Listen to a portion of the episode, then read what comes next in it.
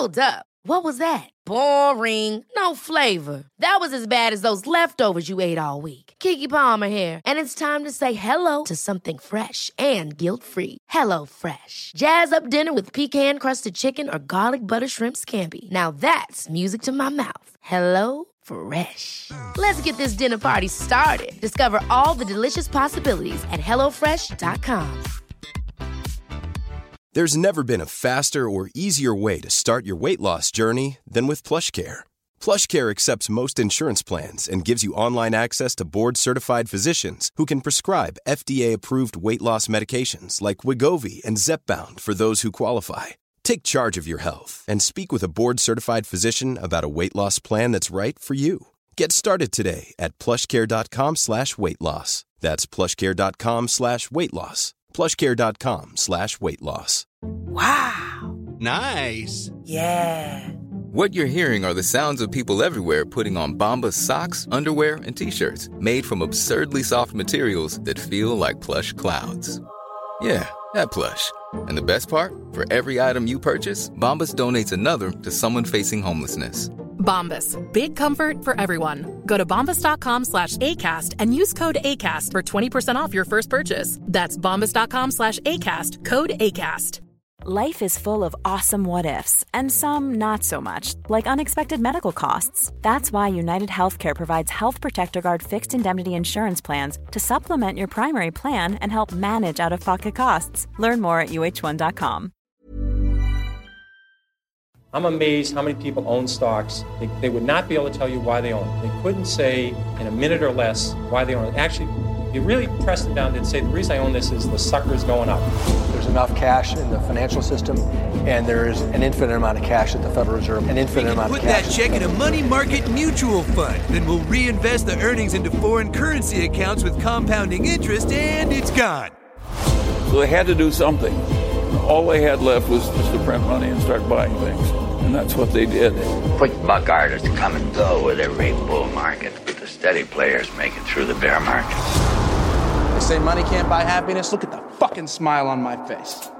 Hej och välkommen till ett nytt avsnitt av Market Makers. Och vilket avsnitt! Vi har ju en återvändande gäst. Vem då? Ja, vi har ju med oss ingen mindre än Karl Armfelt, vilket är extremt kul och eh, tur för oss nu när det har varit så skakigt på börsen för techinvesterare. Jag känner ju själv att man är lite rädd. Har man verkligen conviction i sina techbolag? Och då är det rätt skönt att Karl kommer här och håller en i handen. Ja, och eh, Karl han har gästat podden tidigare en gång i avsnitt 32. Det var ju alltså i princip tre år sedan, då, typ i början av podden nästan. Men då var han ju anställd under Swedbank Robur och drev fonden Ny Teknik. Sen tog han och kollegan Erik Sprinkorn och eh, sitt pick och pack och startade ett eget fondbolag som har gått otroligt. Och det måste jag verkligen säga, vilken eh, bravad att starta ett fondbolag och få det framgångsrikt. Det är inte lätt att göra det.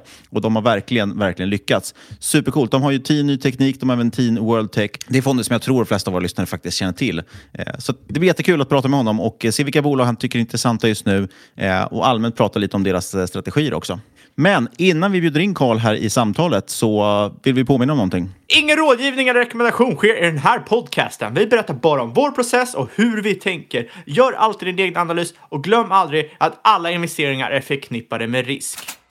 Då säger vi välkommen till podden, Karl Armfelt från Teen Fonder. Tack så mycket. Du gästade oss i avsnitt 32, men för de som inte känner till dig sedan tidigare, vem är du och vad gör Teen Fonder? Vi är ett fondbolag som fokuserar på teknik och innovation. Eh, investerar väl ganska brett i alla typer av innovativa bolag, i allt från mjukvara till medicinteknik, eh, till internettjänster och digitala varumärken. Jag är en av två grundare. Eh, vi grundade fondbolaget för två år sedan och har jobbat med aktier och förvaltning i hela min karriär och tycker fortfarande att börsen och att träffa bolag och att aktieförvaltning är, väldigt kul. Och det är det jag brinner för och, och det är det vi gör på dagarna. Hur kommer det sig att ni tog steget från att gå från Robur Ny Teknik till en egen, egen fondfirma så att säga? Jag tror att eh, för, för alla som jobbar med kapitalförvaltning så är det väl alltid en dröm att starta en egen fond någon dag. Och för oss så var det väl ett sätt att, att kvalitetssäkra det vi gjorde. För att jag tyckte att vi, vi gjorde något väldigt, väldigt bra. Men ska man orka springa i full fart över en lång tid så ville vi starta en egen firma eh, där vi fick lite mer frihet att lägga all energi och all kraft på, på det vi tror på. Och det finns väldigt mycket forskning, inte minst pilotskolan, på att små fristående fondbolag har en bättre förutsättning att, att generera bra avkastning över tid. Eh, så det var väl eh, kombination mellan, mellan frihet och att det är väldigt kul att vara entreprenör och driva något, något själv. Nu förstår jag att du inte vill eh, prata hur mycket som helst om din förra arbetsgivare, men om man kan eh, titta på vad är, vad är största skillnaderna mellan att eh, jobba under Swedbank och Robur-paraplyet och att vara i egen regi? Ja, men det, det är alltid väldigt bekvämt att sitta på en stor bank. Du har ju en väldigt trygg plattform. Du får väldigt lätt tillgång till bolag. Det är svårt att starta ett fondbolag. Och jag tycker väl ändå nu när vi varit igång i två år att det som är väldigt kul är att vårt fokus är mer relevant än någonsin. Om man tittar på vilka bolag, vilka sektorer vi investerar i. Och jag tycker ändå att vi har ett väldigt starkt varumärke. Vi märker att många bolag vill ha med oss som aktieägare. Och då, då har vi samma möjlighet att göra lika bra jobb som en fristående aktör. Hade vi varit pyttesmå och helt irrelevanta, då hade det varit svårt att, att fortsätta göra det vi gjorde historiskt. Men, men givet vad vi har kommit med två första åren, då, har vi, då kan vi nog ändå nyttja de flesta fördelarna eh, som vi hade tidigare. Eh, och eh, om man vänder på argumentet så, så framförallt, nu har vi väldigt mycket frihet i att vi kan lägga tid och resurser på det vi tror faktiskt genererar mer avkastning. Inte minst, ta bara en sån sak som vår satsning på TIN Analytics. Att bygga en intern dataplattform där vi kan mäta väldigt mycket och samla in, in information kring bolag. Sådana typer av satsningar, det är alltid svårt att göra på på större företag som, som är lite mer trögrörliga. Jätteintressant jag tycker det med att företag vill ha med er som investerare. Ni syns ju väldigt ofta i, som ankarinvesterare i emissioner och, och börsnoteringar. Och det tycker jag är lite intressant. Jag skulle vilja höra lite mer om det. För att det är ofta en, det är en ganska uttjatad fråga det här med hur man ska hantera när man blir stor. Ni har ju nu närmare 20 miljarder eh, AUM. Alltså ni, ni, förvaltar närmare 20 miljarder bara i tid ny teknik och så har ni ju en till fond också. Eh, och det är alltid en klassisk fråga med hur man hanterar det när man blir så pass stor. Men jag skulle hellre vilja höra om, om fördelarna med att bli så stor, just kring typ ankarinvesteringar investeringar och sådär. Hur, hur viktiga är de för er och hur, hur, tänker ni kring det? Sista sju åren så tror jag att, att eh, ankarinvesteringar har stått för ungefär en femtedel av vår överavkastning. Och den siffran har ungefär varit densamma de sista två åren. Så att det har varit en viktig faktor. Och eh, jag tror att det, det, blir viktigare och viktigare. Om man, om man driver en fond eller ett fondbolag, då måste man kunna göra saker som våra kunder inte kan göra själva. För, för 30 år sedan det var det svårt att köpa en aktie utanför Sverige. Nu med teknikens hjälp kan man investera över hela världen som privatperson. Så att, eh, jag tycker ändå att, att det här med ankarinvesteringar är en sån faktor som vi har som konkurrensfördel tack vare att vi är lite större. Och eh, ibland för oss då så kan ju faktiskt också IPOn vara det bästa tillfället att komma in i ett bolag. För vi investerar ändå i mindre bolag. Eh, likviditeten är inte alltid jättebra. Och eh, då får man bara en liten eh, liksom ett startposition i samband med en börsintroduktion. Då är det mycket, mycket lättare för oss att bygga en meningsfull position över tid. Så, att, eh, så det är en av de skalfördelarna vi har eh, och det finns, finns många andra. Men, men eh, att, att kunna få, att systematiskt träffa alla intressanta innovationsdrivna bolag innan de kommer till börsen och sen välja de bästa och sen få en stor tilldelning, det, det är ändå en, en konkurrensfördel i dagsläget. Och hur hanterar ni oftast de här ankarinvesteringarna ni gör? Kör ni en klassisk liksom, teckna sälj som många privatsparare gör eller låter ni de här positionerna ligga kvar och bygger i dem? Om vi hade varit kortsiktiga då hade det inte funnits något värde för bolagen att, att ha med oss. Så att vi försöker vara så långsiktiga vi bara eh, kan. Det kommer alltid vara någon börsintroduktion som inte blir som man tänkt sig.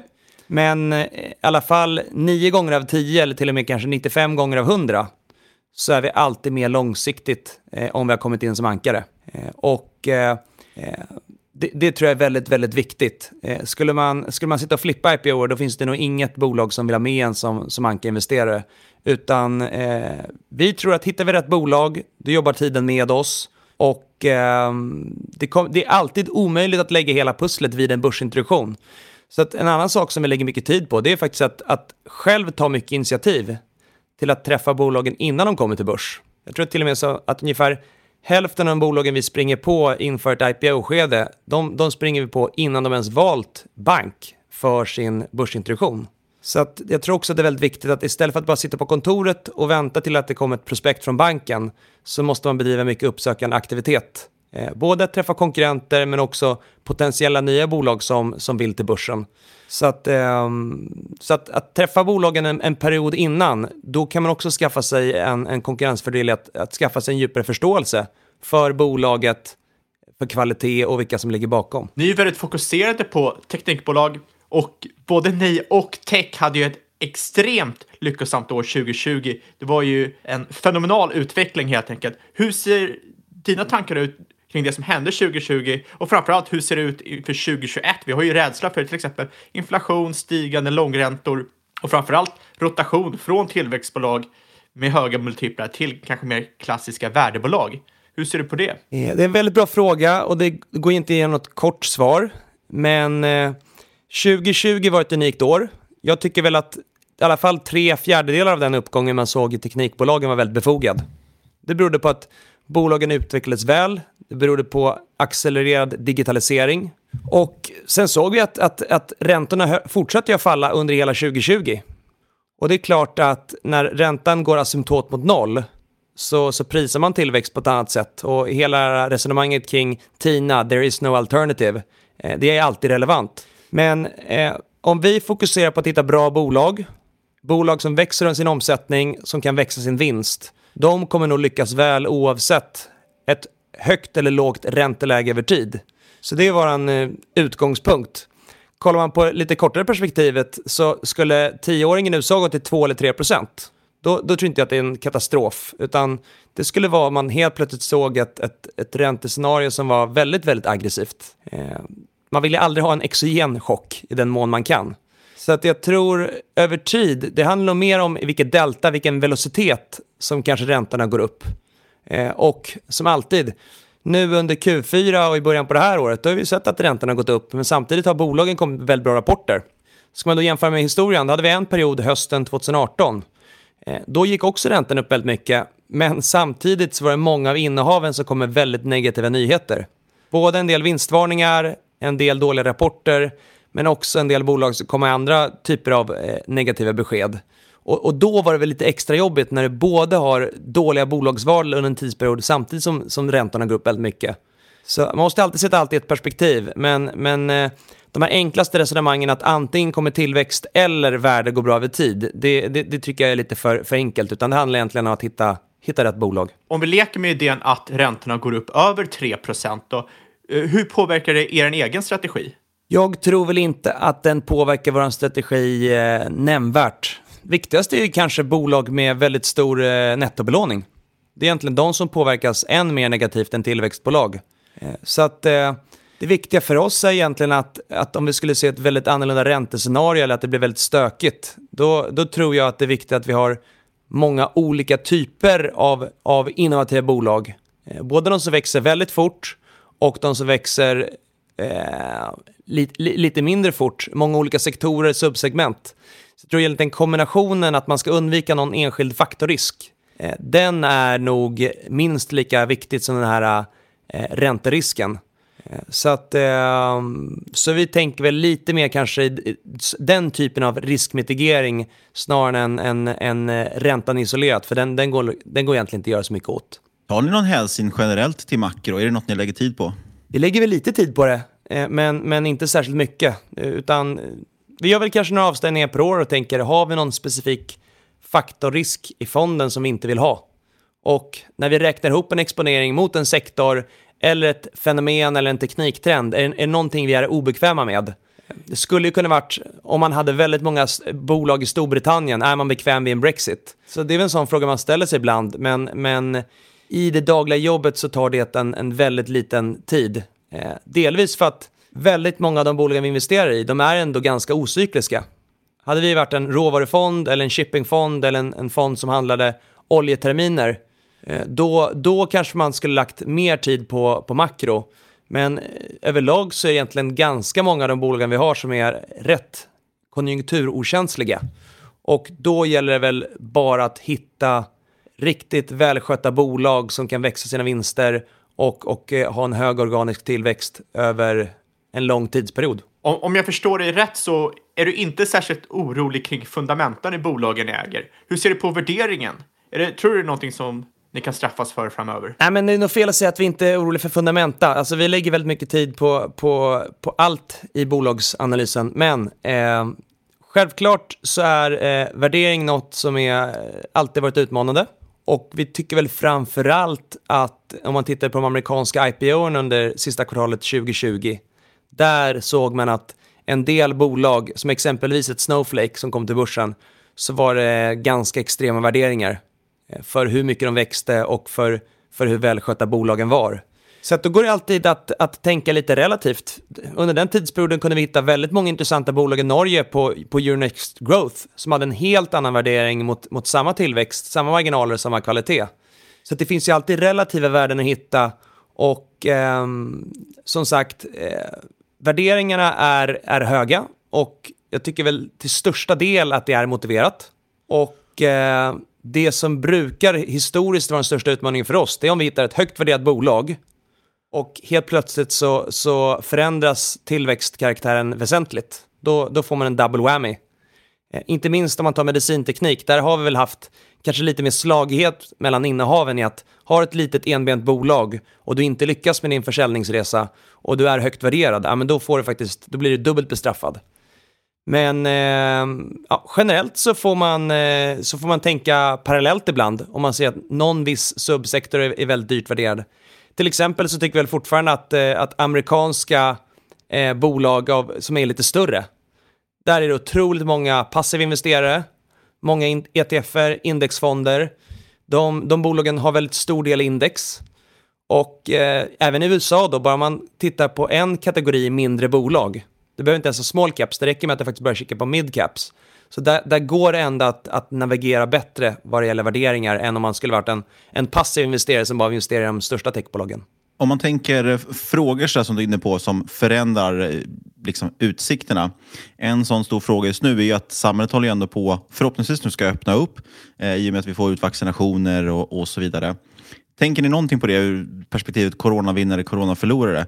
Tittar ni på bolag som ni tror kan gynnas av att eh, folk återgår till ett lite mer normalt samhälle igen? 2020 så ökade vi faktiskt ganska ordentligt i våra dataspelsbolag under våren. Då kände vi att de skulle bli kortsiktiga coronavinnare. Tittar man nu då så vi är egentligen inte så taktiska i grund och botten. Eh, det är små bolag med ofta dålig likviditet. Eh, det är väldigt svårt att, att tajma marknaden. Jag tycker generellt som en småsparare, det viktigaste är att ha lång tid i marknaden snarare än att försöka tajma olika trender. Och eh, i det perspektivet så skulle det vara ett år där flygbolag eller hotell går fantastiskt bra, eh, det är inget som stressar oss, även fast börsindex då, om du har lite valuebolag eller junkbolag som helt plötsligt får då sina sex månader in the limelight, utan vi gnetar på som vanligt och försöker bara hitta bolag som vi verkligen tror kan växa snabbare än den breda ekonomin över en, en längre tidsperiod. Det är möjligt att kanske inom hälsa att vi har några bolag som har haft lite motvind. Eh, där har vi kanske varit lite försiktigare i att öka kortsiktigt. Så att det är klart, det är alltid något bolag där du kan hitta någon liten möjlighet nu när, när, när världen öppnas upp. Men överlag så, så handlar det väl snarare om att bara sträcka ut perspektivet och hitta riktigt bra bolag som, som kan förädlas oavsett om det blir en eh, snabb återhämtning av corona eller inte.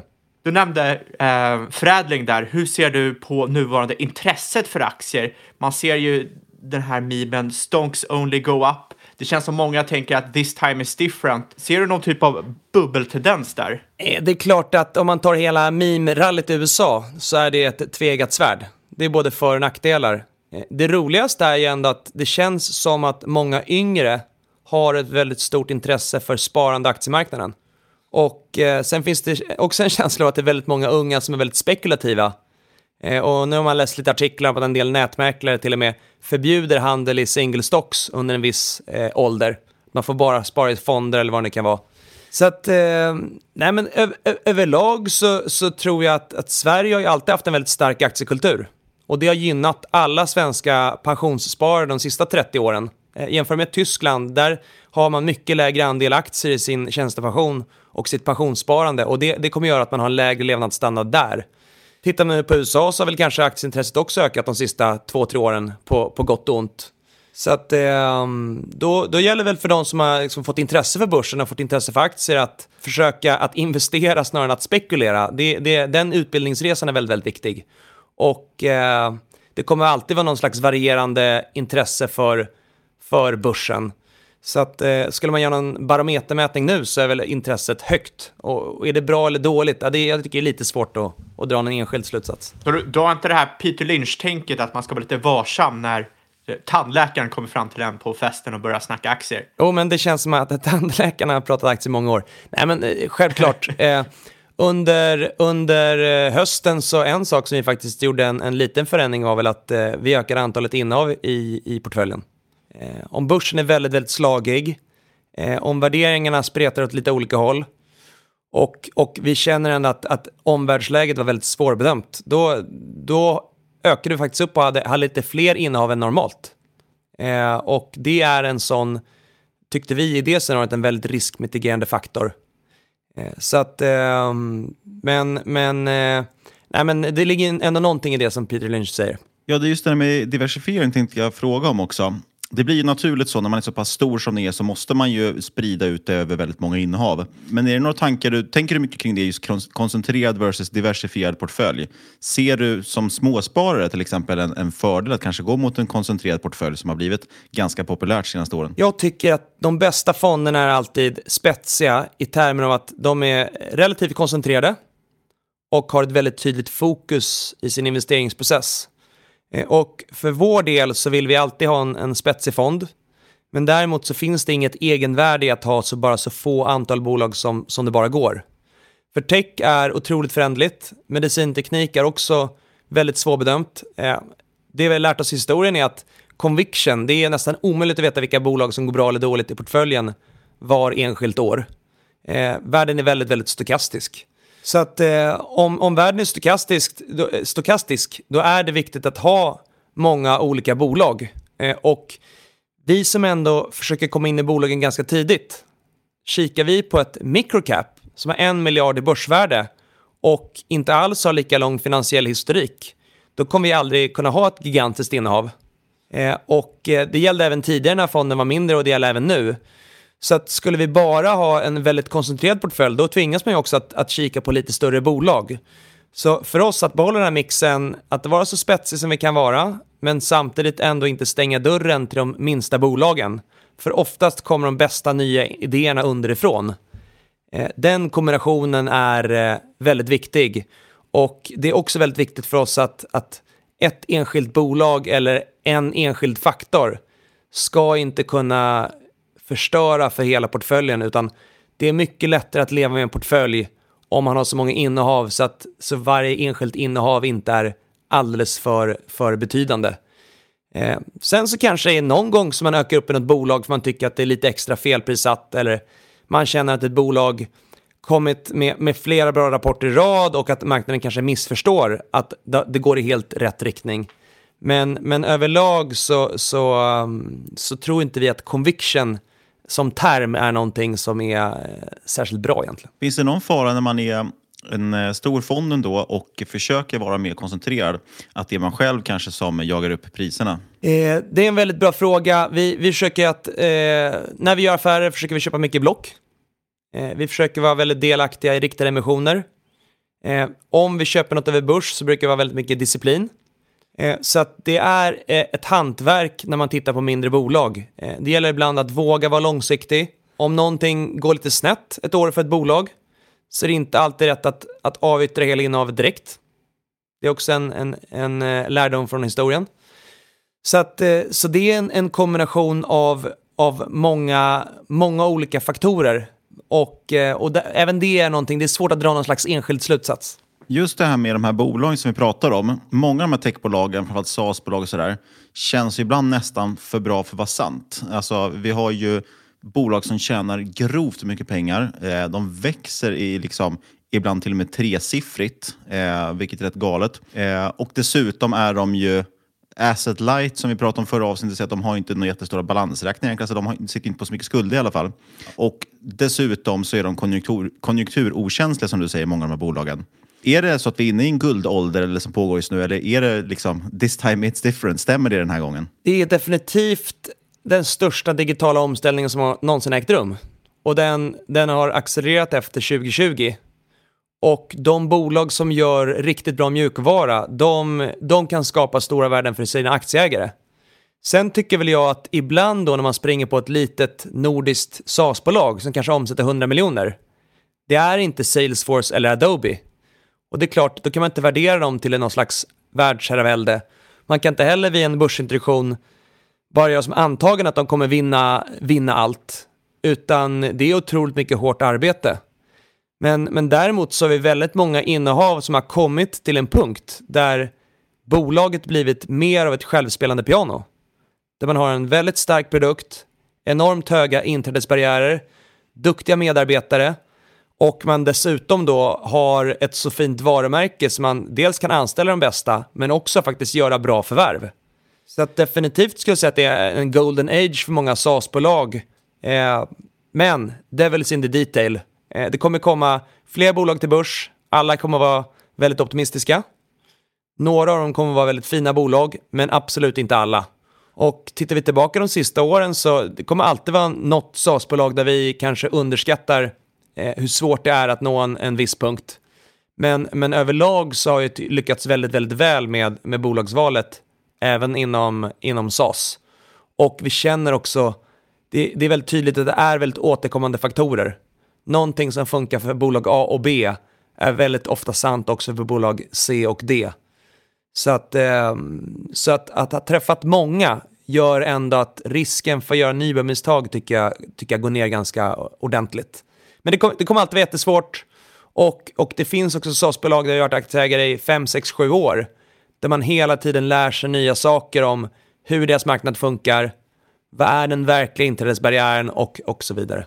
Apropå nybörjarmisstag och devils in the details som du säger förstår att det här är en extremt svår fråga att, eh, att göra enkel, men om man sitter där som eh, privatinvesterare och kollar på noteringar som kommer och bolag som finns på börsen, kan du ge något, något liksom hyfsat handfast råd till vad ska man titta på för att undvika eh, bluffarna, så att säga, eller de dåliga bolagen? Eller hur man hittar de bra då? Nej, först och främst då, om man förstår produkten, kan göra någon slags bedömning, för jag tycker ändå man ska fokusera på att investera i de bästa bolagen.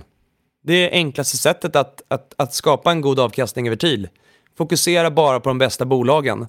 Och ett, ett bolag som kan växa över 20% organiskt och samtidigt ha en marginal på minst 20%.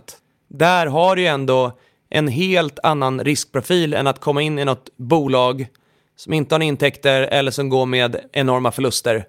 Och eh, det är ändå väldigt många, ofta man träffar privatpersoner som, som berättar väldigt, eh, väldigt brinnande om något, något innehav och så frågar man vad, vad håller bolaget på med och så kan de knappt svara på det eller som inte har satt sig in i detaljerna kring, kring produkten och, och kärnan i bolaget. Eh, så att eh, jag, jag, tror ändå att, att fokusera på bolag som, som har en, en tillväxt över 20 och en marginal över 20, det är väl en sån tumregel. Och eh, sen så när man väl sitter där och i praktiken så, så är världen så otroligt mycket mer mångfacetterad och det är många andra aspekter att ta, ta i beakt. Eh, och det svåraste är ju egentligen att förstå kommer det här bolaget och kommer den här produkten att vara relevant om fem år plus?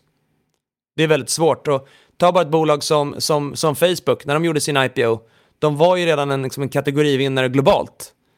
Men när man tittar på andra sociala plattformar, det är ändå väldigt många som har försvunnit genom åren. Så, så vid Facebooks, Facebooks IPO, det var inte någon självklarhet att bolaget skulle behålla den här slags innovationskraften och, och våga fortsätta kämpa och sen till och med gå ut och köpa massor med konkurrenter och konsolidera.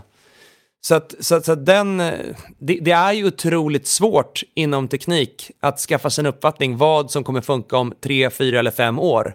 Och eh, det bästa knepet är väl att det som har funkat historiskt även kommer att funka i, i framtiden. Det, det, det är ändå den bästa tumregeln. Så när ett bolag har blivit riktigt bra, när ett bolag är en kategorivinnare eller kanske har högst marknadsandel av alla i sitt lilla segment i världen, då, då, eh, då är det i alla fall intressant. Hur, hur ser du allmänt på sådana här självförstärkande feedback loops? Till exempel Google eh, och sitt sökverktyg. När, de, när det sökverktyget blir bättre, då är det in fler användare som gör att verktyget blir bättre och så vidare och så vidare. Eller Facebook som du nämnde, vilket gör att eh, de exponentiellt drar ifrån alla konkurrenters egna produkter. Eh, vilket gör att de har ju fortsatt en väldigt stark tillväxt. Tror du det här kan göra tidigare glastak, till exempel eh, 1 trillion dollars, 5 trillion, 10 trillion i market cap eh, kan sprängas snabbare än vad man någonsin trott. Inom alla teknikbolag, framförallt när det både säljer och levererar digitalt, så, så gäller inga av de reglerna som man ser i den, den vanliga ekonomin. Så det går fortare att, att bygga upp bolag. Eh, de bolagen som blir vinnare eh, är färre. Så att värdet koncentreras till faktiskt färre aktörer. Eh, det är inte alla segment inom teknik där det får de här extrema winner takes it all-effekterna som ett Facebook eller ett Google. Eller om man tar då ett Advinta som äger radannonser. Det finns ju också väldigt många andra segment. Ta dataspel eller B2B software där det kommer finnas en uppsjö av konkurrenter som, som alla kan ha en god lönsamhet. Så, så, men inom vissa segment, där kommer definitivt ha de här enorma skalfördelarna. Och eh, något som kanske skett de sista åren, det är väl att man går från lite mer generell mjukvara till vertikaliserad mjukvara. Och då uppstår helt nya inträdesbarriärer och mycket mindre nischer. Men om du lyckas fånga den nischen så kan också värdet vara ganska stort. Så att över tid så, så, um, så, så det är en jättebra, jättebra frågeställning och det är något som vi försöker lägga mycket tid på och i vissa sektorer så är det en otroligt viktig faktor. Kan du beskriva vad du menar med att man går in på nya vertikaler för de lyssnare som inte känner till begreppet? Nej, men om vi tar till exempel e-commerce. Eh, Amazon är ju ett, ett bolag som säljer produkter inom alla kategorier. Om du skulle starta ett e-commerce-bolag som bara sålde mattor och, och fokuserade på det, då är, någonstans är det mer vertikal tjänst. Du fokuserar på en, en vertikal. Tar du då mjukvara, eh, antingen så gör du CRM-mjukvara eh, för, för alla typer av bolag i alla sektorer. Eller så kanske du fokuserar på att bara göra CRM-mjukvara för, för bolag inom byggsektorn. Där du kan bygga mycket mer avancerade funktioner som är mer anpassade för just dina kunder. Och där vi kommer från, den här första vågen av digitalisering, så var det nog väldigt breda verktyg som, som, som var de som faktiskt vann. Eh, även Salesforce kommer från en bred bakgrund. Och nu märker vi ändå att det finns väldigt många mindre nischade bolag i allt från e-commerce till eh, B2B software som har mycket, mycket mera vertikal mjukvara och, och bygger sina inträdesbarriärer på ett, på, en, på ett annat plan. Apropå eh, mattor på nätet. Rugvista ska ju noteras, eh, är väl första handelsdagen nu på torsdag, det vill säga dagen det här släpps. Eh, där är ni ankarinvesterare. Vill du berätta hur ni tänker kring det bolaget? Generellt har vi varit väldigt försiktiga till e-commerce historiskt. Vi föredrar ju ändå bolag som levererar ettor och nollor före fysiska föremål. Och det beror på att många av de e-commerce-bolag vi kikat på har varit så otroligt konkurrensutsatta så någonstans har man haft en rörelsemarginal på 2, 3, 4 procent. Eh, och det har varit alltid problem vid lagerflyttar, vid nedskrivningar, vid trendskiften och så vidare. Många bolag som också lagt väldigt stor del av sin omsättning på att förvärva nya kunder så att kundförvärv, customer acquisition cost har blivit väldigt hög i många sektorer. Så att undantaget där vi har gjort mycket jobb de sista åren det har varit lite mer vertikala e-commercebolag. Eh, och eh, Rugvista är en global kategorivinnare, framförallt inom Europa, inom mattor. Det finns ingen annan aktör som ens är i närheten av deras storlek. Det som också är unikt då är att, att sourca mattor är inte lätt. Eh, de har två kategorier. Dels eh, mer klassiska mattor, men också designmattor. Och eh, hade ni två försökt starta ett mattföretag idag så hade det varit otroligt svårt för er att skapa den eh, direktrelationen till producenter som, som Rugvista har. Eh, det är också en nisch där det finns väldigt få eh, produktvarumärken inom offline. Och det skapar också en lite annan särställning för den som lyckas bygga ett starkt digitalt varumärke. Eh, om du vet att, att Rugvista är det bolag som har bäst utbud, bäst pris och bäst kvalitet, då, då blir det ändå eh, en enorm konkurrensfördel när man går från det där analoga köpbeteendet där man inte har någon typ av varumärkeslojalitet. Där du bara har gått till den, till den närmsta mattbutiken. Eh, så att det som är unikt för det här bolaget då, det är att de har växt lite drygt, ja, en bit över 20% de sista åren, men samtidigt har en ebit-marginal på över 20%. Eh, nu i år då har de fått en bra start 2021. Eh, den organiska tillväxten har varit så hög som 80%. De tror väl själva att de kan växa 20% över tid. Det är deras finansiella mål. Och jag tror väl ändå att det är ett bolag som också nu de närmst kommande åren, lyckas man med sin affärsplan, då kommer nog marginalen gå upp från 20% mot närmare 30%. Den potentialen, potentialen har de ändå. Så att det är väldigt, väldigt tacksamt att vara, vara en kategorivinnare i en nisch där det finns väldigt få konkurrenter, där det är krångligt att sourca produkterna och där du faktiskt har en, en liten nisch där du kan få en väldigt hög marginal. Hur, hur fungerar det i sådana här vertikaler där man kanske inte handlar så ofta? Om du kollar på Amazon till exempel, då är en del av deras businessmodell att du ska gå in där lite hela tiden och köpa det du behöver. Men för mattor, du, kanske, du kanske inte handlar så många mattor under hela ditt liv. Hur förändrar det lifetime value hos kunder? Jag tror att eh, det viktigaste då är att man måste jobba annorlunda med sin eh, budget för att förvärva kunder. Det blir andra kanaler, mixen mellan till exempel hur mycket man lägger på, på SEM, SEO. Eh, sådana faktorer blir väldigt, väldigt viktiga.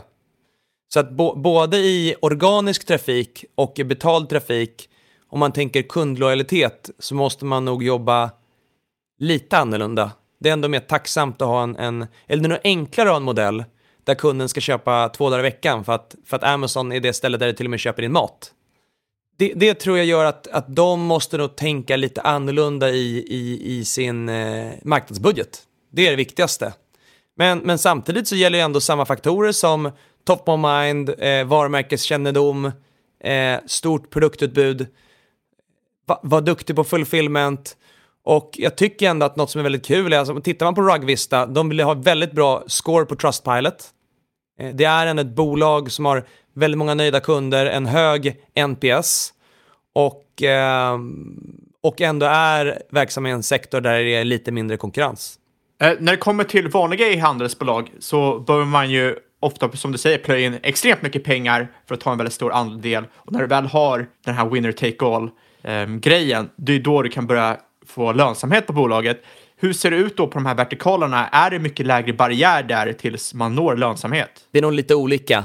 Eh, men om man tar till exempel mat, mathem, de här breda kategorierna, där är ju otroligt tufft. Där är 5 10 års eh, investering med enorm capex för att ens nå ett break-even. Om till och med ICA-gruppen har svårt att, att tjäna pengar på mat på nätet, det visar ju ändå hur svårt det är. Så jag tror överlag så kommer det alltid vara bättre och enklare att nå lönsamhet för, för vertikal e-commerce. Eh, men det beror nog väldigt mycket på, på vilket segment man är i. Tittar man på Ruggvista specifikt då, så vänder man på det och frågar men vad är det här bolaget för utmaningar? Så skulle jag säga att det är ett bolag som inte har kommit lika långt som många andra vi tittar i att, att bygga eh, en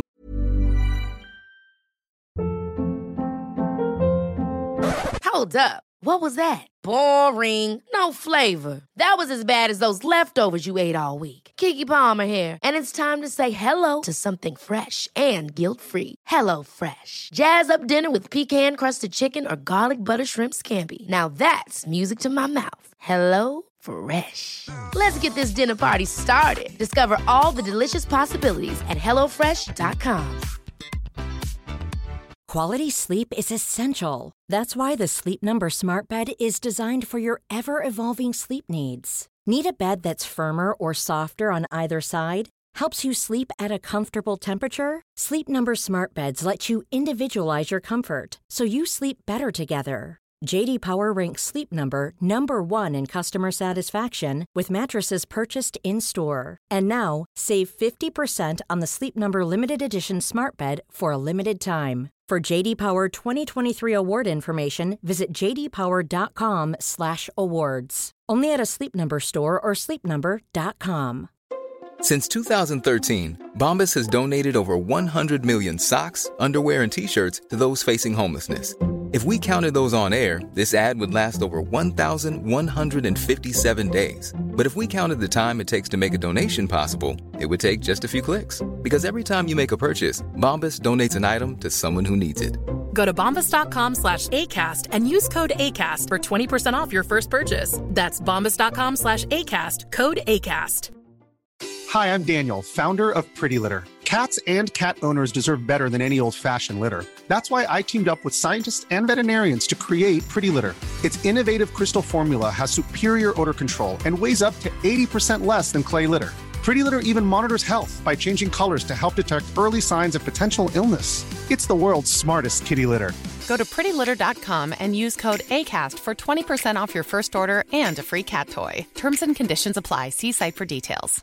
Many of us have those stubborn pounds that seem impossible to lose, no matter how good we eat or how hard we work out. My solution is PlushCare. PlushCare is a leading telehealth provider with doctors who are there for you day and night to partner with you in your weight loss journey. They can prescribe FDA-approved weight loss medications like Wagovi and Zepbound for those who qualify. Plus, they accept most insurance plans. To get started, visit plushcare.com slash weight loss. That's plushcare.com slash weight loss. Modern teknikstack. Eh, att eh, vara väldigt adaptiva hur man jobbar med marknadsföring, automatiserad marknadsföring, SEO, SEM eh, och så vidare. Så de har ju lyckats nå den här marknadspositionen trots att man kanske har underinvesterat mycket i sin plattform. Så att om det är något man ska hålla koll på de närmsta ett, två åren, det är vilken hastighet kan de nu ha i att anställa nya duktiga personer som kan med väldigt hög fart förbättra allt ifrån backend till frontend till, till eh, eh, SEO. Eh, de här bitarna så, så är de ändå, har de nog varit lite underinvesterade i. Men tittar man nu på lönsamhet och den omsättning de har så har de ändå nått den punkten att de faktiskt har möjlighet att, att investera i det här utan att det kommer kosta för mycket. Vi kan ju tillägga också bara för lyssnarna att eh, avsnitt, eh, avsnitt 152 gästade ju din eh, kollega Erik Sprinkorn och då pratade vi just om det här lite kring eh, er syn på e-handel också. Jag tänkte vi kunde hoppa vidare till ett eh, annat bolag som noterades ganska nyligen, som jag vet att en del lyssnare är nyfikna på också, Fractal Gaming, som håller på med eh, chassin är det väl framförallt till eh, datorer och sådär. Hur eh, gick tankarna bakom det bolaget och hur ser framtiden ut där? Eh, om man tittar på Fractal Gaming så, så en av de viktigaste KPI-erna det är att vd och grundare Hannes fortfarande äger 39% av bolaget. Det tycker jag ändå är ett av de starkaste bevisen på att om du lyckas driva upp ett bolag till att omsätta flera hundra miljoner och du som grundare fortfarande äger 39%, då är det ett väldigt fint och välskött bolag som kan generera fritt kassaflöde över tid. Så att det är ett bolag som växer snabbt. Eh, det är ett bolag som har väldigt god, eh, goda marginaler och god lönsamhet. För att chassi är ett tacksamt segment, framförallt om man fokuserar på lite mer premiumchassin som Fractal gör. Eh, det är ett bolag som är fortfarande entreprenörsdrivet. Eh, om man tittar både på aktieägarlistan och eh, hur, hur hängiven vd är och hur långsiktig han verkar vara och hans passion för, för det de ägnar sig åt. Och det är ett bolag som också faktiskt vinner sina kunder genom att de har ett väldigt starkt varumärke. Eh, de har väldigt hög kundnöjdhet och det beror på att jag tror att de har haft som attityd att vara väldigt duktiga med reservdelar, att hela tiden ha respekt och verkligen försöka på riktigt göra ett bra jobb för sina kunder. Eh, det tycker jag genomstrålar hela, hela verksamheten, hur man själv ser på deras produkter och, och de, de eh, reviews som finns på, på allt från ett Amazon till, till andra kanaler. Det, lite av kruxet nu då, det är väl att de ska traversera in i, i lite nya produktkategorier. Eh, de har nämnt att två stycken närliggande områden är till exempel gamingstolar och eh, eh gamingheadset. Eh, när, när de kickade igång inom chassi så var det en, ett segment där det fanns väldigt få som ville göra snygga, bra, funktionella saker. Och till exempel gamingstolar känner man väl själv, det kanske också är en ganska eftersatt produktkategori. Vill du ha en, en snygg gamingstol som inte ser eh, hemsk ut så, så går inte det att köpa i dagsläget. Det existerar inte. Och, eh, och även inom headset, givet deras starka varumärken inom chassi så känns det också som ett ganska logiskt ställe att, att på sikt expandera till. Och eh, att gå in i nya, nya produktkategorier, det är aldrig enkelt. Eh, och de har ändå en konkurrent, Coreshare, som har gjort det med, med framgång på många områden, men också lagt ganska mycket pengar. Eh, så att, så att det är något man ska hålla koll på och det är något man måste följa löpande och det kommer inte vara jätteenkelt.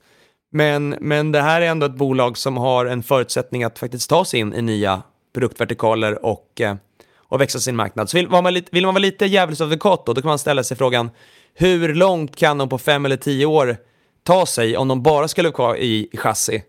Och, och där tror jag att över tid så måste de faktiskt vidga varumärket något. Kan, kan man också leka djävulens advokat och fråga vad vallgravarna ligger i att bygga chassin? För om man jämför med till exempel Endor som eh, gör eh, rattar så finns ju någon, någon typ av teknisk komponent där i bakgrunden som är svårare att kopiera och klistra. Hur ser det, hur ser det ut där med, med chassin? Jag tror att eh, det viktigaste är varumärke. Eh, De har investerat mycket i sitt varumärke sedan dag ett. Eh, och varumärket kommer alltid vara viktigare än, än eh, funktioner. Så att, eh, det är klart att det är flera av de stora chassitillverkarna som ändå har höjt sin ambitionsnivå de sista åren, men det har inte påverkat eh, deras marginal eh, till dags datum. Så att jag tror ändå att eh, det är klart, det kanske är ännu mer tacksamt att hålla på med, med, med eh, racingrattar. Där kanske finns en ännu högre instegsbarriär. Men men eh, kollar man på konsumentvarumärken i, inom andra sektorer så är du duktig på att, att ha ett bra varumärke och ta hand om dina kunder, då kan du definitivt inom premiumsegmentet ha en, en bra marginal över tid. Så det är väl det man måste tro på. Vi pratade lite tidigare om eh, börsnoteringar i USA som varit ganska dyra, Snowflake bland annat. Två andra bolag som noterades ett under 2020 och ett under 2021 är ju Roblox och Unity som jag vet att du vill prata lite om. Framförallt tror jag väldigt många är nyfikna på Roblox. Och för lyssnaren kan jag nämna att Roblox tog vi upp i avsnitt 160 och Unity 146. Så de kan vi lägga in eh, i avsnittbeskrivningen också. Ja, nej, men Roblox är ju superspännande. Det, det, är ett bolag som vi träffade första gången för, för tre, fyra år sedan. Eh, och eh, de gjorde väldigt nyligen en, en börsintroduktion. Eh, och eh, vi har ett litet innehav i båda våra fonder i dagsläget i Roblox. Eh, de kom till börsen på, på en lite högre värdering än vad vi hade önskat. Och, och därför valde vi att vi har ett, ett lite mindre innehav i dagsläget. Eh, det är eh, en eh, en ex, ett extremt välskött bolag som har ett enormt engagemang bland både sina kunder och de faktiskt 8 miljoner personer som också utvecklar spel och upplevelser på deras plattform. Jag tycker bara en sån här faktor som, som, eh, som folk kanske inte känner till inom Roblox var att de gjorde en investerarpresentation för två veckor sedan och la upp på sitt, eh, på sitt YouTube-konto. Och den här investerarpresentationen har, har, nu till och med har de tagit bort den från den publika listningen. Eh, men innan de tog bort den så på, tror att det var på sju eller åtta dagar, så fick den 840 000 visningar och 54 000 upptummar. Eh, så jag undrar, vilket annat bolag på börsen har lagt upp en investerarpresentation och fått så många som har tittat på videon och tycker att det är fantastiskt? Så jag tror att en av de grejerna som, som Dave då, Bazooki, som är grundare och fortfarande vd, är duktig på, precis som Elon Musk, är att han har förstått det här med kommunikation, att du kan inte kommunicera olika med dina aktieägare, dina kunder och dina utvecklare. Utan det här är ett bolag som skapat en fantastisk plattform där, där alla är väldigt engagerade. Allt från de som spelar spelen vill bli aktieägare och de som har spelat spelen vill bli utvecklare och där det finns enorma eh, flywheel-effekter i att desto större plattformen blir, desto mer olika typer av verktyg du kan bygga som gör att man kan göra flera olika typer av spel, inte minst inom 3D, så kommer att det bli en mer och mer relevant eh, plattform. Så tittar man lite på siffrorna då. De har i dagsläget då ungefär eh, 200 miljoner eh, månatliga aktiva användare nu. De växte det med 80% under förra året. Jämför man det med, eh, med Twitter så tror jag att Twitter har 300 miljoner dagliga akt eller månatliga aktiva. Och jämfört med Minecraft som ändå är ganska likt eh, Roblox men kanske inte riktigt lika mångfacetterat i, sin, i sitt plattformstänk så har de nu, jag tror att det är 130 miljoner månatliga aktiva. Så att eh, de, de börjar nu bli nästan dubbelt så stora som, som Minecraft och bara det i sig är ju otroligt imponerande. Eh, så att eh, precis som när Unity kom till börsen så känns det ändå som att det här är en väldigt unik kategorivinnare. Och jag tycker man kan jämföra med ett Microsoft för 20 år sedan. De, de har en otroligt bra produkt där de kan nu investera väldigt mycket kapital i att göra den bättre eh, och, och bygga en, en, en otroligt mångfacetterad, mångfacetterad plattform. Ja, jag tycker det är otroligt intressant det du nämner om att de liksom försöker, försöker hålla investerare, spelare och användare inom samma paraply. För rent historiskt sett har man ju sett en väldigt stor disconnect mellan spelare och investerare i spelbolagen, så det är jäkligt intressant att de kopplar ihop där. Men jag undrar, framtiden för Roblox, just nu så består en majoritet av spelare av barn, av unga. Tror du att det här kommer utvecklas över tid så att man ser fler äldre, fler i våran ålder kanske, som sitter och gör spel och spelar på Roblox. De har ju som fokus att faktiskt eh, fokusera på lite äldre kundgrupper. Eh, de bygger väldigt många verktyg nu som ska göra det möjligt att, att utveckla lite mer hardcore och midcore-spel som är lite mer relevanta för andra ålderskategorier. Men i grund och botten så tycker jag att om man tittar på andra teknikplattformar och andra plattformsbolag, alla som har user-generated content blir en helt annan skalbarhet. Och tittar man på, på några av de största hitsen sista två, tre åren på, på Steam, så inte minst både Valheim och andra titlar som har kommit, det är inte alltid de mest avancerade spelen med bäst grafik som får störst genomslag, utan det är de spelen som har många sociala faktorer och, och där du får till ett otroligt kul gameplay. Så att jag tror ändå att det kommer också gälla för Roblox. Eh, kan de vara en relevant plattform och förlita sig på user-generated content, då har de all möjlighet i världen att faktiskt komma in i, i nya ålderskategorier också. Jag tror väl ändå att, att Minecraft har ju med viss framgång lyckats bredda sin, sin målgrupp. Och sen är frågan då hur mycket måste man bredda den över tid då? Det är nog inte helt självklart. Eh, det som är självklart är nog att monetisering och betalningsvilja är nog högre om man ökar den genomsnittliga åldern på användarna på plattformen. Så deras strategi är att bygga ett riktigt multiverse, som är filmen Ready Player One. Och eh, att det ska vara en underhållningsplattform där, där många vill, vill spendera mycket tid. Och eh, i och med att de ändå är så pass duktiga och att de är definitivt ett av de tre bästa bolagen i världen på, på user-generated content, då tror jag ändå att de kommer vara mer förändliga än om det här hade varit ett Fortnite. Eh, en speltitel som har, som har ett fokus på en, på en viss kundgrupp. Jag tror user-generated, då blir det ändå lite mer adaptiv och, och det, kan, det blir ändå mer mångfacetterat i både produkt, eh, under, underhållningsnisch och åldern på dina spelare. Du nämnde här eh, multiverse och det är jäkligt hett nu. Och eh, man ser ju bland annat då i Roblox, du kan ju tjäna pengar via eh, spelet. Du ser att folk har eh, konserter och liknande i spel som Fortnite och i Roblox såklart. Vad tror du är nästa steg i utvecklingen för att man ska se den här Ready Player One eh, multiverset? Om man tittar lite bredare så kommer en sån faktor vara när, när datorgrafik blir helt fotorealistisk. Då blir det ändå, det är helt andra underhållningsvärden. En annan sån faktor är när, när film och, och tv-spel kommer mötas i att all underhållning blir mer interaktiv. Att du faktiskt kan Eh, interagera med skådespelare eller karaktärer som du älskar. Den, det tvärsnittet är också superintressant. För, för Roblox del så, så handlar det nog eh, kanske inte om de faktorerna på, på medelfriskt tidsperspektiv, utan där är det viktigaste sociala. Och tittar man nu både på, på Epic Games och Fortnite som ändå också har kommit väldigt långt och är den andra vinnaren inom att, att faktiskt bygga väldigt sociala plattformar så är det nog eh, Deep Social, hela det, eh, den biten är det mest intressanta. För det skapar så otroligt mycket gravitation. Eh, om alla dina kompisar är på en plattform, då det är det ändå där du vill vara. Lyckas de bygga ett digitalt fritids, det är klart att det är där du vill hänga med, med dina vänner. Och, och någonstans så blir det väldigt datadrivet.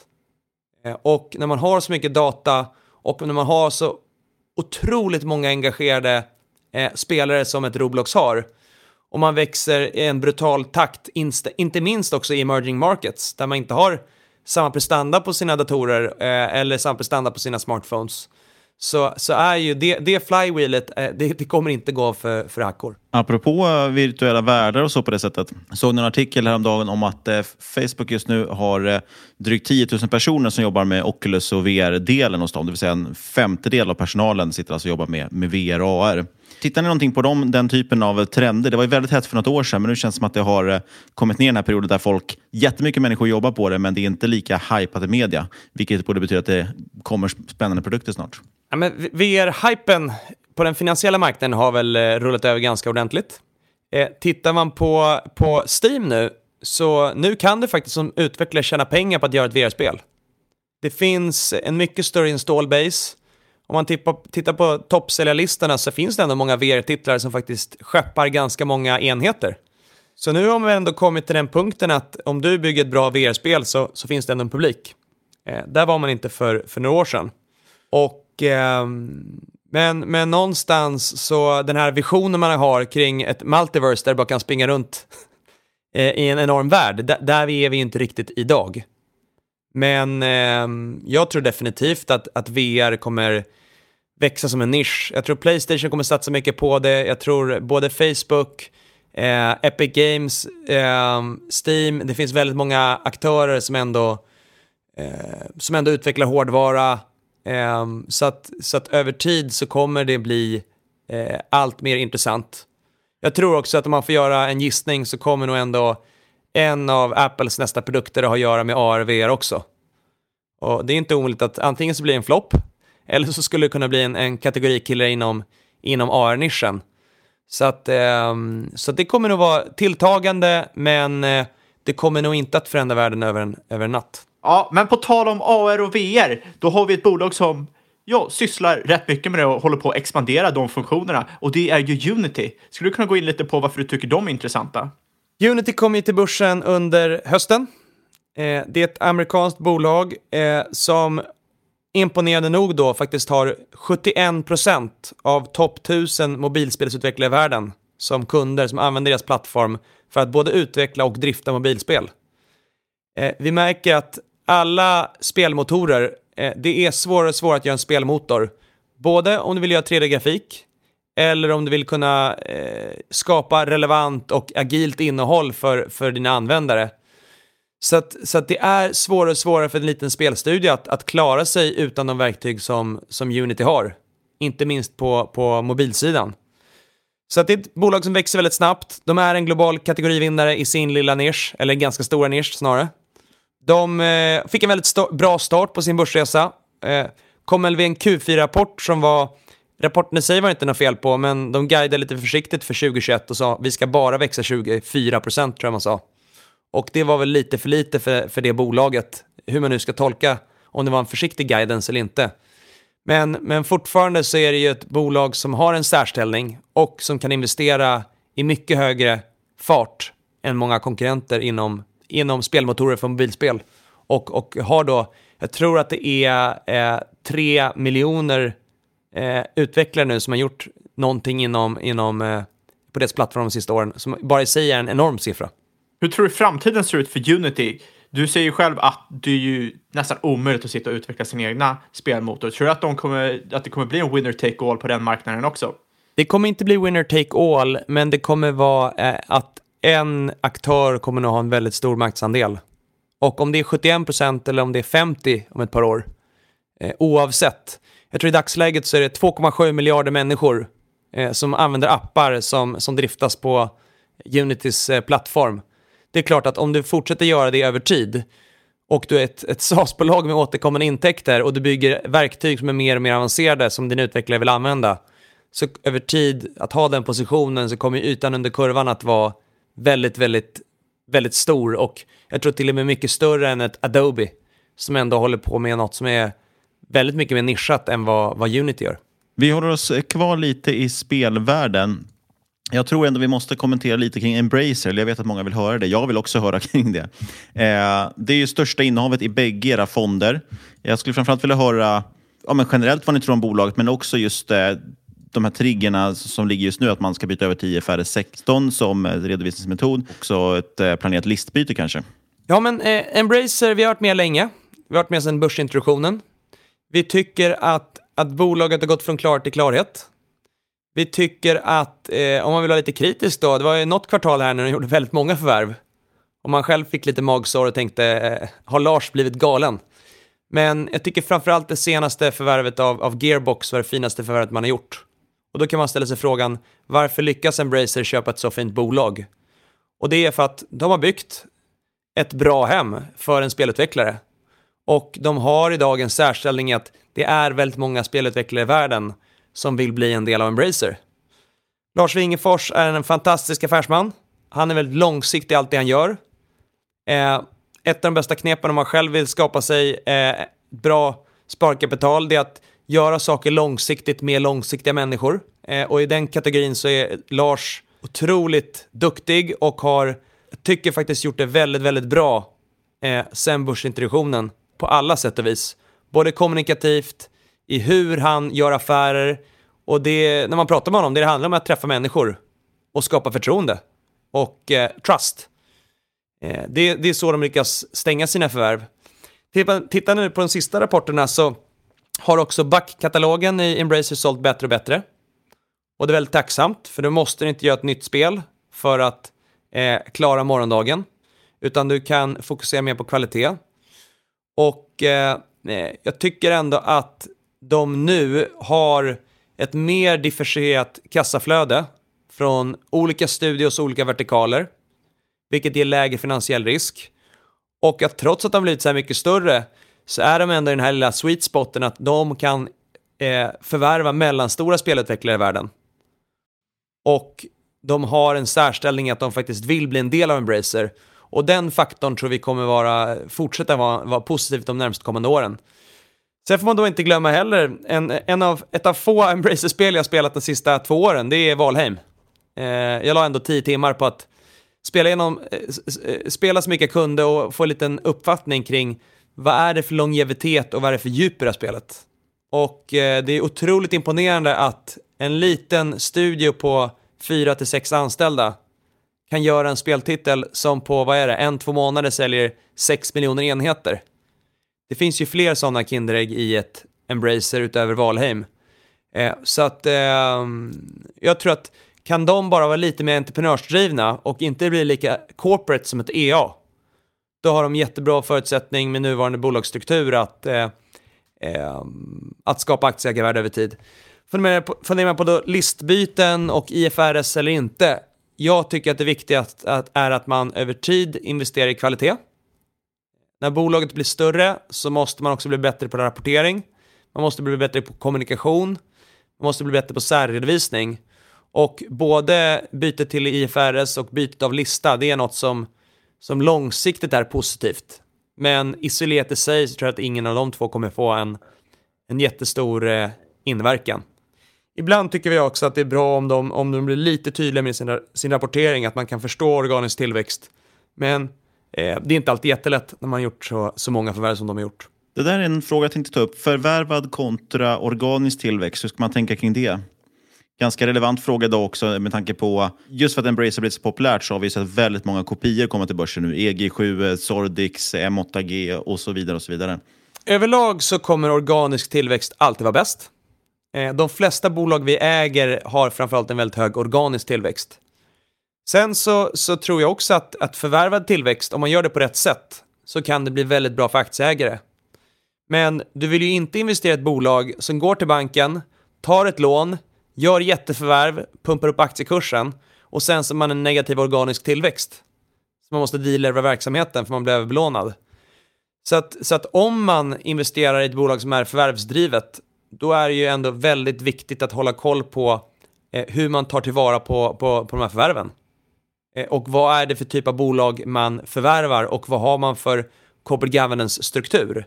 Och där tycker jag fortfarande att, att Embracer faktiskt eh, har en väldigt bra governance-struktur eh, och att eh, de har all möjlighet att fortsätta växa och göra bra förvärv och inte bara köpa någonting för att det ser bra ut kortsiktigt. Men, men definitivt, det är klart att om det går bra för ett Embracer kommer det dyka upp många andra som ska göra samma sak. Och det är inte alla av dem som kommer vara framgångsrika. Vad, vad tror du kan vara en varningssignal om det börjar slå över mot annat håll? Att de kanske förvärvar fel objekt och eh, det inte leder till den här dynamiken man ser nu? Eh, det är ingen jättebra fråga. Det, det, det, är svårt att ge något enskilt svar.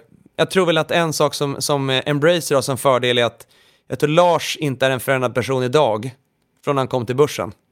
Eh, och eh, jag tror att han är väldigt stark övertygelse och, och väldigt starka värderingar som person. Och då blir det enklare att göra det här eh, hållbart och långsiktigt. Eh, så att eh, tycker väl det finns otroligt många småspararbolag där man kan se transaktioner som är mysko, som är kortsiktiga, som bara är till för att, att på något sätt eh, försöka sminka sin verksamhet. Och när går ett framgångsrikt bolag över från att vara... Den, den är väldigt, väldigt svår att, att, att säga. Jag tror väl generellt att det är svårare för ett dataspelsbolag ändå, än om du jämför med ett Adobe. För att någonstans inom B2B software och B2C software, där blir det lite mer winner takes it all. Där går det nästan inte att misslyckas med dina förvärv. Har du störst fritt kassaflöde av alla bolag inom dating på nätet, då kan du köpa alla konkurrenter. Det är svårt för någon att komma ikapp då, men inom dataspel, det kommer alltid vara en väldigt fragmenterad industri även fast det skapas fler konsolideringsstories där ute. Så att jag tror man bara får, eh, man får läsa varje, varje kvartalsrapport eh, för sig och, och skaffa sig en ny uppfattning efter varje, varje kvartal i, i Embracer eller, eller andra förvärvsdrivna bolag. En sista grej vi måste ta upp som vi fått flera frågor om. Vi var ju tidigare inne på det här med att retail-investerare eller privatinvesterare har blivit allt mer vanliga på börsen. Inte minst med tanke på att man i USA skickar ut checkar till eh, vanligt folk. Många stoppar in i aktier. Nu pratar de om att många millennials har typ 50 procent tänkte man antagligen lägga in på aktier eh, eller investeringar. Och jag hörde nu en siffra också att man tror att runt 10 procent av de här stimulanscheckarna man ska skicka ut kommer kanske kunna hamna, eller kommer eventuellt hamna i bitcoin. Så då måste vi ändå fråga, hur är er syn på bitcoin? Är det någonting ni tittar på? Och jag förstår att ni inte får handla det direkt i fonden, men däremot finns det ju vissa liksom, bolag som man kan använda som en proxy för det. Vi har träffat väldigt många bolag inom krypto, inom bitcoin eh, Eh, och har vi inte hittat något som vi tycker skapar någon slags mervärde för mänskligheten än. Eh, någonstans så, så är det otroligt många ruttna bolag inom det segmentet. Och det är klart, nu ser man ett Tesla eller kanske någon amerikansk bank som ger någon högre grad av acceptans. Jag tycker det läskigaste med bitcoin det skulle vara om amerikanska myndigheter fick för sig att det var ett verktyg för att tvätta pengar. Och att man gjorde någon slags amerikanskt förbud eller förbud att handla krypto eller, eller bitcoin med, med dollar.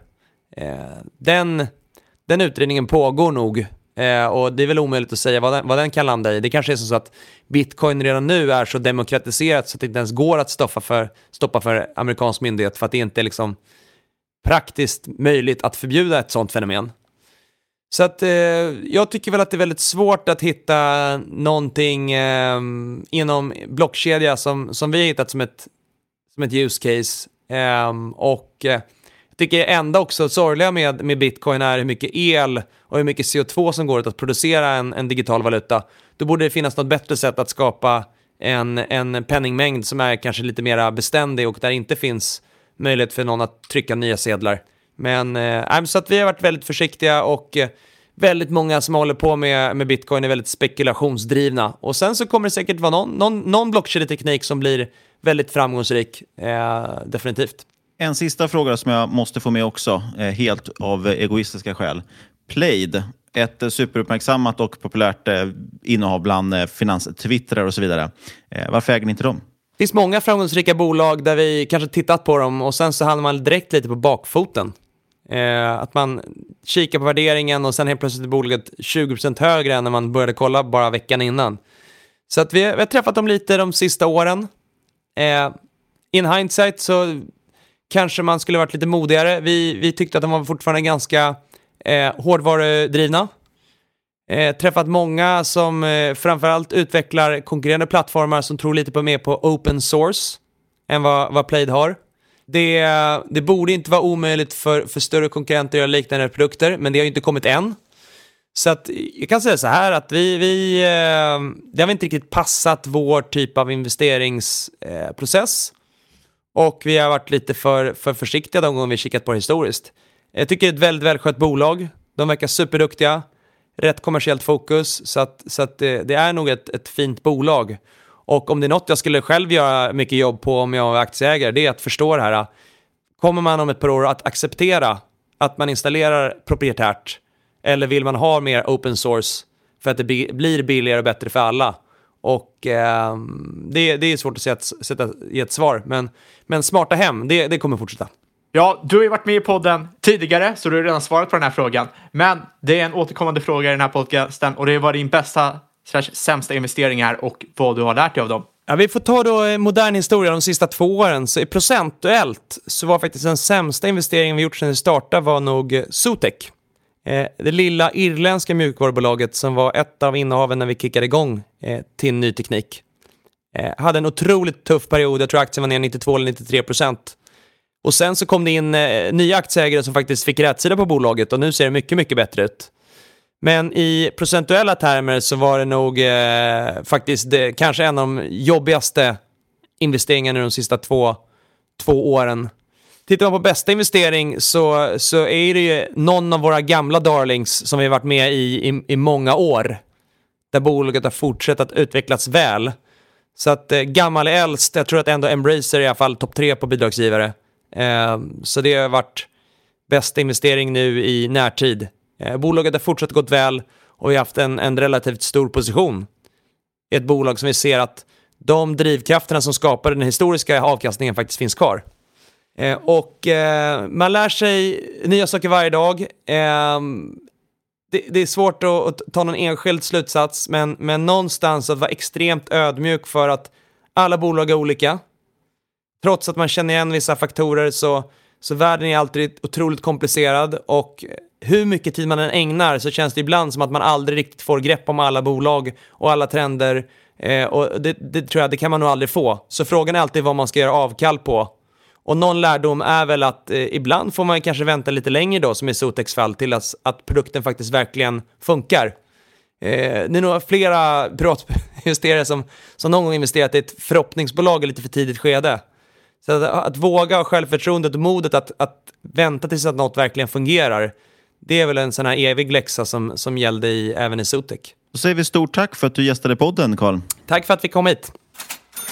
Ja, och för sakens skull så ska vi väl kanske nämna att inget av den här podcasten ska ses som rådgivning. Alla åsikter våra egna eller vår gäst och eventuella sponsorer tar inget ansvar för det som sägs i podden. Tänk också på att alla investeringar är förknippade med risk och sker under eget ansvar. Och för transparensens skull så, ja, det mesta vi har pratat om idag har ju Karl i sina fonder förstås, så han har ju ett intresse i att prata med de bolagen. Vi kan ju också nämna av dem vi har tagit upp lite större här, så har ju du och jag eh, olika intressen i bland annat Embracer och Play. Det är väl de som är intressanta. Eh, Rugvista där också, eller Rugvista, eller vad fast man vill kalla det för, har jag tecknat också. Den börjar handlas samma dag som det här, äh, det här avsnittet släpps. Så är det med det. Men du, om man vill kontakta oss? Ja, det kan man göra på podcast at marketmakers.se eller på Twitter at marketmakerspod eller på eh, Franzén understreck Fabian på Twitter också. Men det finns ingen Niklas där, så skit i honom. Sist men absolut inte minst vill vi såklart säga stort, stort tack för att du har lyssnat, kära lyssnare. Vi hörs igen om en vecka.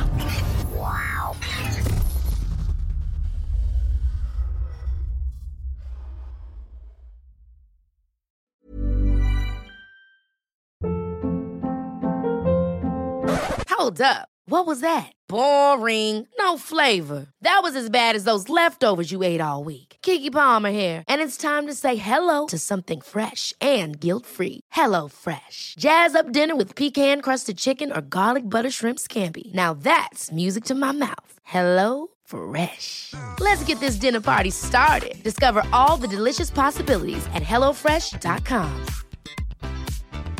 Hi, I'm Daniel, founder of Pretty Litter. Did you know cats tend to hide symptoms of sickness and pain? I learned this the hard way after losing my cat, Gingy. So I created Pretty Litter, a health monitoring litter that helps detect early signs of illness by changing colors, saving you money and potentially your cat's life. Pretty Litter is veterinarian developed, and it's the easiest way to keep tabs on your fur baby's health right at home. Go to prettylitter.com and use code ACAST for 20% off your first order and a free cat toy. Terms and conditions apply. See site for details.